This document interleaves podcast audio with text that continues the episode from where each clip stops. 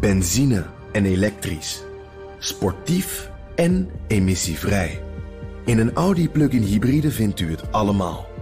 Ervaar de A6, Q5, Q7 en Q8 standaard met quattro vierwielaandrijving.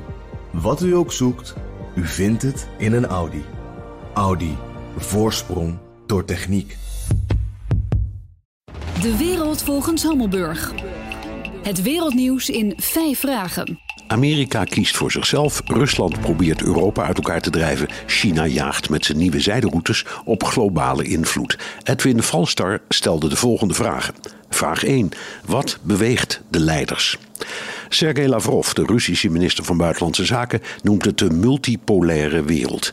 Amerika is niet meer de enige grootmacht. Rusland en China zijn dat nu ook.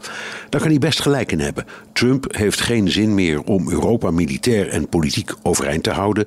Poetin ziet een verenigd sterk Europa als een bedreiging en zaait graag tweespalt. China ziet grote investeringen in Europa als een kans om beide rivalen de loef af te steken. Economisch ziet iedereen momenteel iedereen als concurrent, niet als partner. Vraag 2.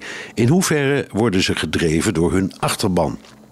Dat speelt zeker een rol. De aanhang van Trump vindt dat Amerika door Rusland, China en Europa op achterstand is gesteld.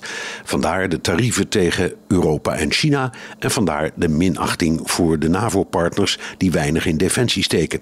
De Russen voelen zich traditioneel bedreigd door Europa en met de EU en de NAVO aan de grens speelt Poetin op die gevoelens in. Xi Jinping, de Chinese leider, wil simpelweg macht, vooral economisch. Dat spreekt de Chinese burger aan en daarmee verstomt een beetje de interne oppositie. Vraag 3. Versterken deze acties elkaar? Ik denk van wel. Het innemen van eilandjes door China in de Zuid-Chinese Zee, de annexatie van de Krim door Rusland, de Amerikaanse tarieven, dat alles zet de relatie enorm op scherp. Vooral omdat we te maken hebben met drie behoorlijk megalomane leiders. Vraag 4. Wat zijn de gevolgen vooral voor Europa? Defensie-expert Frank van Kappen heeft het over een nieuw Jalta. Hij refereert aan de conferentie aan het eind van de Tweede Wereldoorlog, toen de Sovjet-Unie, de Verenigde Staten en Groot-Brittannië de wereld verdeelden, vooral Europa. Europa dreigt nu haar invloed in Oekraïne, Georgië en de kleine staatjes in die regio kwijt te raken aan Rusland. China blijft azen op hegemonie in de Zuid-Chinese zee. Vraag 5. Gaan ze geheel of gedeeltelijk slagen? Dat hangt af van die andere grootmacht die het allemaal laat gebeuren door gebrek aan eenheid, Europa.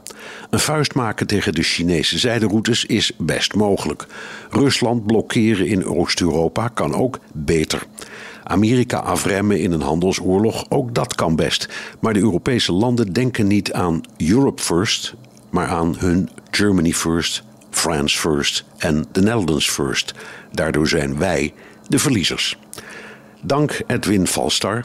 In de wereld volgens Hammelburg beantwoord ik elke zaterdag vijf vragen over een internationaal thema. Hebt u een onderwerp? Stuur dan een mail naar onlineredactie.bnr.nl. Benzine en elektrisch. Sportief en emissievrij. In een Audi plug-in hybride vindt u het allemaal. Ervaar de A6, Q5, Q7 en Q8 standaard met quattro vierwielaandrijving. Wat u ook zoekt, u vindt het in een Audi. Audi. Voorsprong door techniek.